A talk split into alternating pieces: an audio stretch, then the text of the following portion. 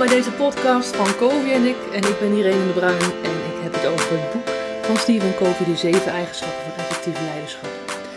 In deze podcast gaan we ons wederom verdiepen in de vierde eigenschap die Covey aanhaalt en dat is denk win-win. En nog even als herhaling, denk win-win is geen methode, maar het is echt een filosofie van hoe je naar de wereld kijkt. Is er genoeg voor iedereen of juist niet? Wil je de andere mensen verliezen en jij gaat winnen of juist niet? Win-win betekent dat er een oplossing is die voordelig is of goed is voor alle partijen, alle betrokkenen partijen. Iedereen is daarbij ook tevreden en kan eruit halen wat hij zelf graag wil. Iedereen zal zich ook daarvoor inzetten. En daarnaast is er geen sprake van rivaliteit of competitie, maar je werkt echt samen. Uitgangspunt is ook dat er voor iedereen genoeg is. En succes hoeft daarbij niet ten koste te gaan van iemand anders. En win-win is daarnaast ook een geloof in een derde weg. Oh, dat klinkt heel mooi, hè? Het is niet jouw benadering of jouw manier, het is niet die van een ander, maar het is een betere, hogere benadering. Oftewel, bijvoorbeeld, jij hebt een idee, iemand anders heeft ook een idee, dan ga je samen samenbrengen en daardoor komt er een nog beter idee waarin alle goede kwaliteiten van dat idee in zit, waardoor het nog beter wordt. En, en ja, ik heb een Indische achtergrond, hè? Dat, had je, dat wist je misschien al wel, heb ik me al eerder verteld. Maar Indische achtergrond betekent ook bijvoorbeeld Indische rijsttafels. En allemaal verschillende soorten gerechten die je kan pakken. En er is altijd voldoende voor iedereen die op dat feest is. En het is fantastisch. En als je twee keer je bord hebt opgeschept en dan zit je nog steeds, zit je nog steeds niet vol, dan kan je nog vaker gaan. En als je echt vol zit, en je gaat naar huis, dan krijg je bakjes mee. Oftewel bakjes met eten wat er nog over is. Er is genoeg voor iedereen. Denk win-win. Dat is de gedachtegoed in een, noten, in een Indische notendop van win-win. En win-win gaat er ook vanuit dat je je eigen unieke menselijke kwaliteiten kan aanspreken. Jij hebt een zelfbewustzijn gekregen. Jij kan denken over jouw handelen. Je hebt ook een voorstellingsvermogen, waardoor je dingen kan inbeelden of uh, vooruit kan kijken, uh, kan voelen, kan horen wat er misschien de volgende stap gaat worden. Daarnaast heb je ook een geweten waaraan je dingen toetst. Is het goed of is het niet goed? En een hele krachtige die erbij ook komt, is de onafhankelijke wil. Jij bent de leider over je eigen leven, oftewel persoonlijk leiderschap. Daarnaast ben je ook bereid om van elkaar te leren en elkaar te beïnvloeden wellicht. Niet manipuleren, maar beïnvloeden. En je hebt ook iets voor elkaar over. Dat is het gedachtegoed eigenlijk van win-win. En dat is lastig. Want oh, ben jij wel eens op een feestje geweest en je kijkt even door de, door de ruimte heen en dan zie je iemand met hetzelfde pakje aan als jij. Hel! En dan denk je ook nog, kakken de kakken de kak. Het staat uh, hem of haar veel beter dan mij. Mm. En dan ga je, dan schiet je eigenlijk al in een soort verliesmodus. Want die ander is aan het winnen in dit geval. In jouw hoofd dan, hè? Misschien niet in, in werkelijkheid, maar wel in jouw hoofd. Of als je een sollicitatiegesprek moet doen en je komt in zo'n wachtruimte te zitten met alle andere sollicitanten. Dan word je daarvoor uitgekozen. En, en, en jij kijkt al die ruimte rond van: hallo, je ziet er wel even wat geleerder uit dan ik. Of daadkrachtiger, of stoerder, of slimmer, intelligenter. We zitten onszelf heel vaak te vergelijken met anderen.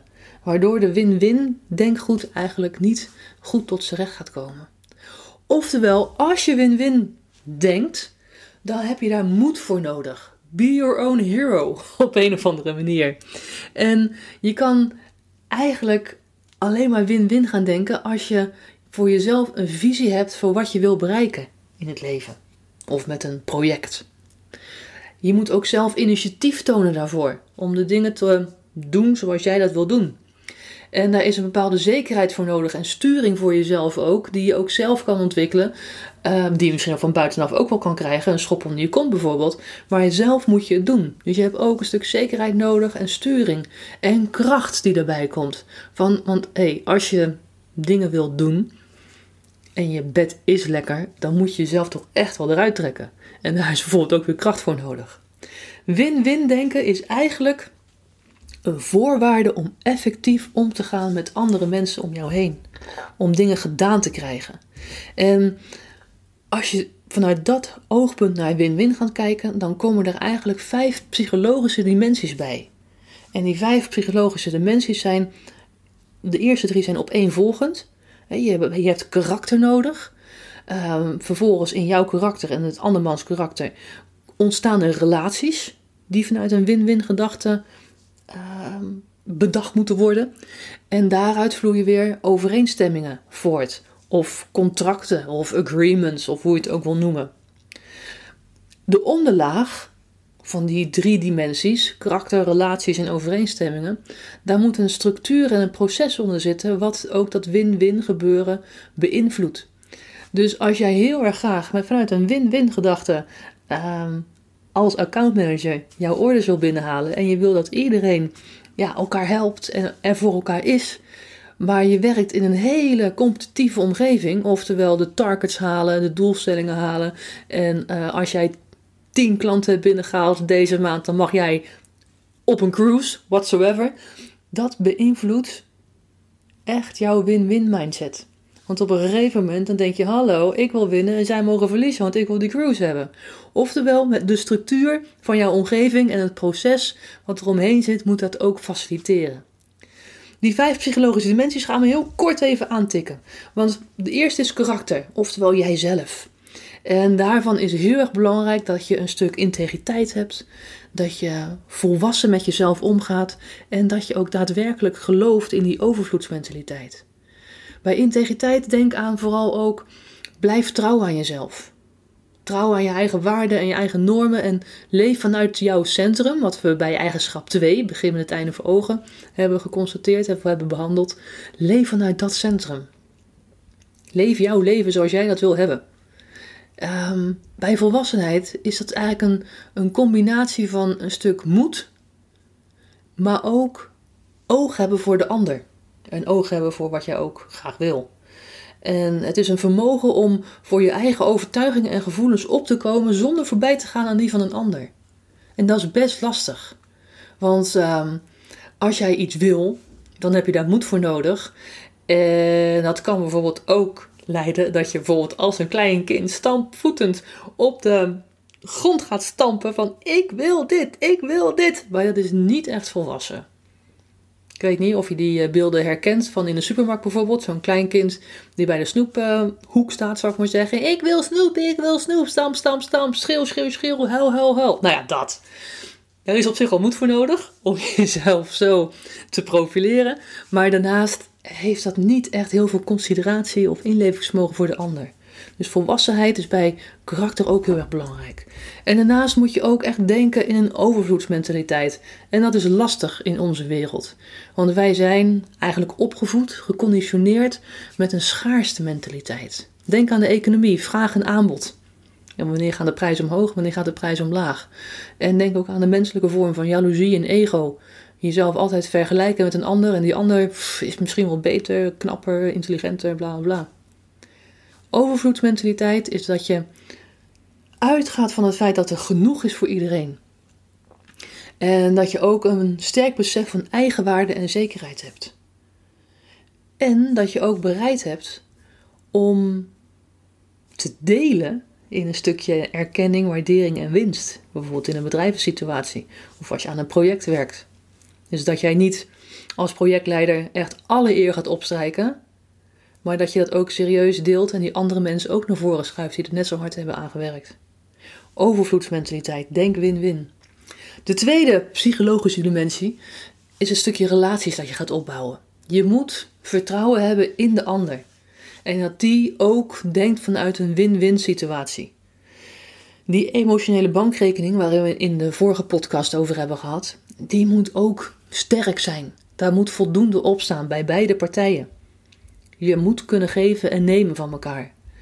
Waardoor dat vertrouwen ook wel heel erg belangrijk is. Je moet ook geloofwaardig zijn in je relatie met de ander. Respect hebben voor de ander en ook respect tonen.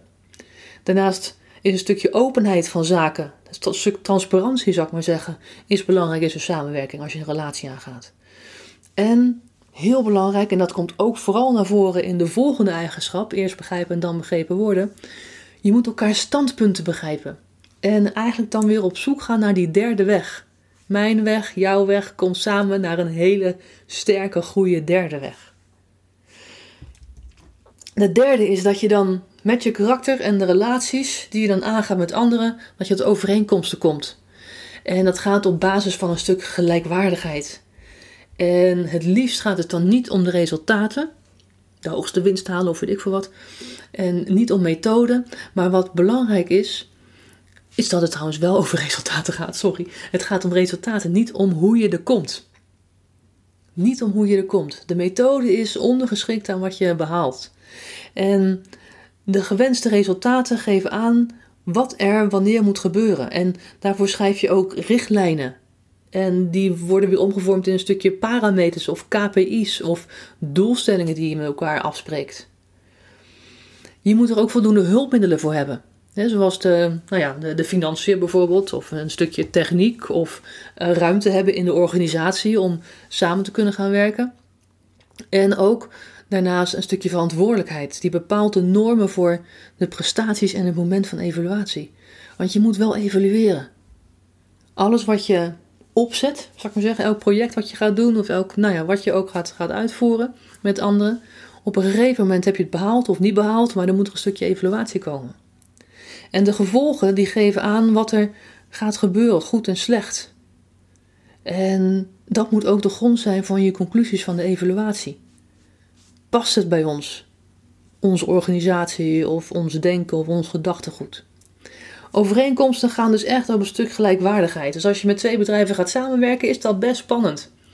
En het gaat ook om de resultaten en niet om de methode van hoe je erheen gaat. De onderliggende psychologische dimensies zijn die structuur en processen. En bij structuur is het ook belangrijk dat je doet wat je zegt.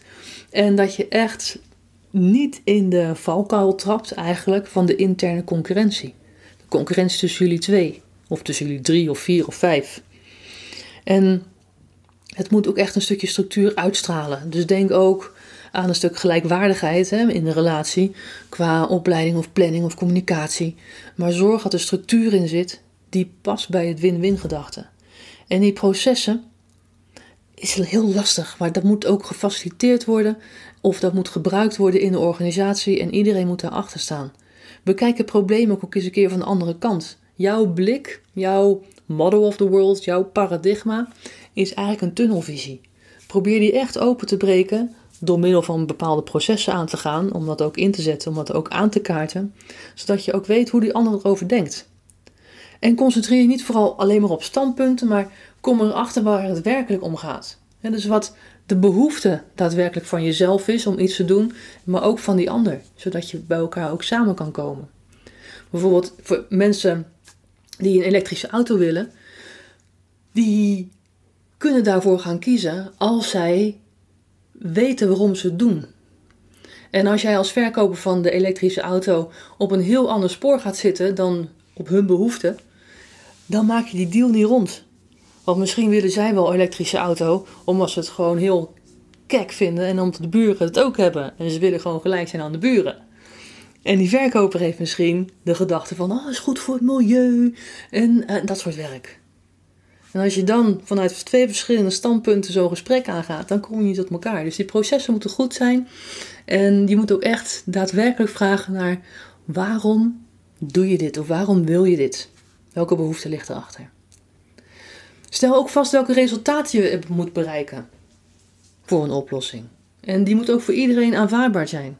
Schrijf het ook op. Ons doel is om dat, bla bla bla. En bedenk ook verschillende opties, methoden om die resultaten te behalen. Oftewel, het gaat om de resultaten, niet om de weg ernaartoe, om de methode die je gebruikt.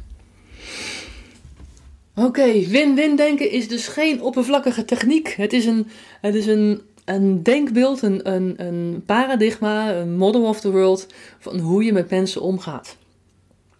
En ehm, daarvoor heb je echt integriteit, volwassenheid en een overvloedsmentaliteit nodig, oftewel jouw karakter. En win-win denken is eigenlijk alleen mogelijk in een relatie waarin het onderlinge vertrouwen ook goed is. Zodat je goede overeenkomsten kan maken die effectief zijn en waarin duidelijk is wat men van elkaar verwacht. En dat kan alleen maar goed gaan als het ook echt gehanteerd wordt in bepaalde structuren met verschillende processen. Goed, dit was win-win denken. Ah, denk win-win. Ik hoop dat je er iets van op hebt gestoken. Uh, kijk eens naar de projecten of de samenwerking die je hebt op dit moment. Um, en of dat ook daadwerkelijk in de win-win gedachte past. Of is het misschien winnen-verliezen of verliezen-verliezen? Nou, kijk daar eens naar. En uh, denk dan ook eens van hoe kan ik het win-win krijgen? Want daar zijn ook wel, nou is moed voor nodig. Een stukje karakter. Alright, dankjewel. En uh, tot de volgende podcast. Bye.